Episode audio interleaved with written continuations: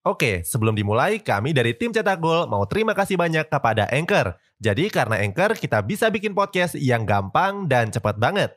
Mulai dari edit sampai share dan publish di banyak platform. Mulai dari Spotify, Apple Podcast, sampai platform podcast lainnya. Aplikasi Anchor ini gratis, bisa di-download di App Store dan Play Store, atau kamu juga bisa akses di website www.anchor.fm. Jadi sekali lagi terima kasih kepada Anchor yang bikin Cetak Gol punya podcast yang bisa kamu dengarkan sekarang. La Liga merupakan salah satu liga terbaik dunia. Selain terkenal dengan permainan yang mengandalkan teknik, La Liga juga dihuni oleh pemain-pemain ikonik. Akan tetapi bagaimana kalau para pemain ikonik tersebut hengkang ke liga lain akibat regulasi yang mereka buat sendiri? Cetak Gol coba merangkum alasan La Liga bakal sepi sebagai berikut.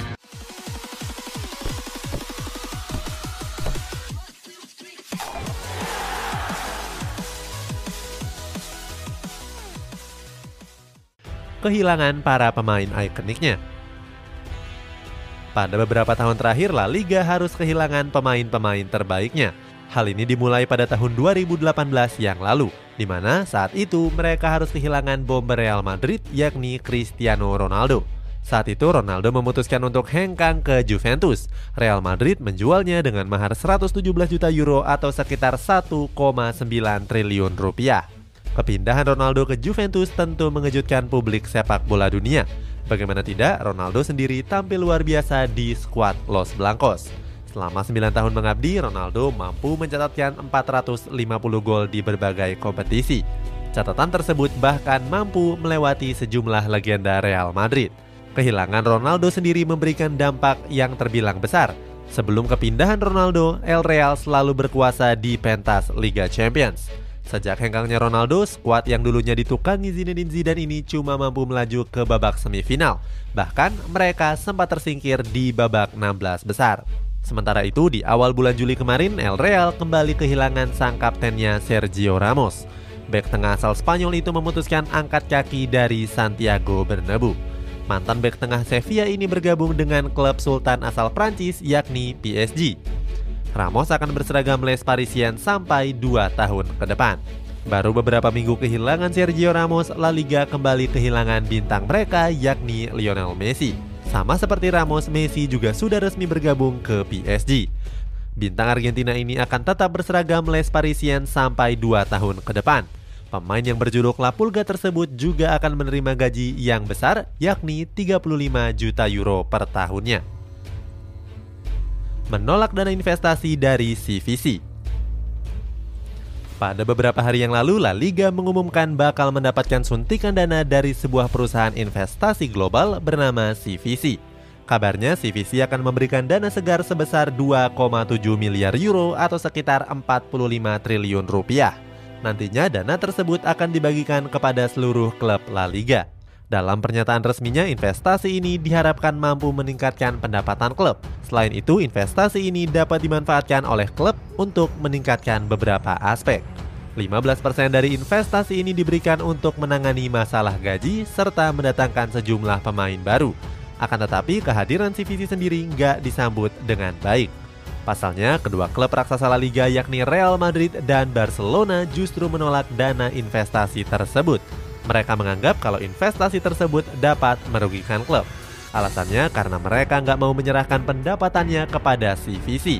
Real Madrid bahkan siap menempuh jalur hukum agar investasi tersebut bisa dibatalkan. Selain Real Madrid dan Barcelona, Athletic Bilbao juga dikabarkan menolak investasi tersebut. Padahal dana investasi ini bisa digunakan untuk mengatasi krisis finansial yang dialami. Menurut Presiden La Liga Javier Tebas, investasi ini dapat membantu klub di tengah pandemi. Menurut Tebas, Barcelona bahkan bisa mempertahankan seorang Lionel Messi. Selain itu, dana investasi ini juga bisa digunakan untuk meringankan beban Real Madrid. Sebelumnya, klub asuhan Carlo Ancelotti ini juga dikabarkan sedang mengalami kesulitan. Real Madrid mengucurkan dana besar untuk merenovasi markas mereka yakni Santiago Bernabeu. Kabarnya renovasi tersebut menghabiskan 587 juta euro atau sekitar 9 triliun rupiah. Oke, sebelum dilanjut, ada yang penasaran nggak? Gimana caranya bikin dan nyebarin podcast yang kayak gini? Nah, ini karena tim cetak gol pakai Anchor. Mulai dari rekaman, edit suara, tambah lagu, sampai drag and drop bisa kita lakukan sendiri pakai Anchor. Satu aplikasi sudah bisa buat semua kebutuhan podcast. Bisa di-download dari App Store dan Play Store, atau bisa juga diakses dari website www.anchor.fm. Terus yang terpenting, Anchor ini gratis. Download dan coba sendiri setelah tonton episode ini. Aturan finansial yang merugikan. Di tengah pandemi COVID-19, La Liga membuat sejumlah aturan pembatasan gaji pemain. Hal ini bertujuan untuk meringankan beban keuangan klub. Bukannya meringankan, aturan ini justru merugikan salah satu klub La Liga yakni Barcelona. Akibat aturan tersebut, Blaugrana harus kehilangan pemain bintang mereka yakni Lionel Messi. Padahal sebelumnya Barcelona sempat mengumumkan kalau Messi akan memperpanjang kontraknya sampai tahun 2026. Bahkan hal ini juga diperkuat oleh jurnalis sepak bola yakni Fabrizio Romano. Menurut Fabrizio Romano, bintang Argentina ini sudah sepakat untuk menandatangani perpanjangan kontrak di Camp Nou. Akan tetapi Barcelona justru nggak mendapatkan izin dari La Liga. Presiden La Liga Javier Tebas mengatakan kalau Barcelona sudah melebihi batas gaji pemain. Artinya Barcelona nggak bisa mendaftarkan Messi di La Liga untuk musim ini. Akibat aturan ini, Barcelona juga kesulitan mendaftarkan tiga pemain baru mereka yakni Sergio Aguero, Eric Garcia, dan bomber Olimpik Lyon yakni Memphis Depay. Alasannya sama karena terbentur batas gaji pemain. Beruntung, kabar terbaru menyebut kalau ketiganya sudah bisa didaftarkan dan bisa berlaga di musim ini. Hal ini terjadi karena Gerard Pique rela memotong gajinya.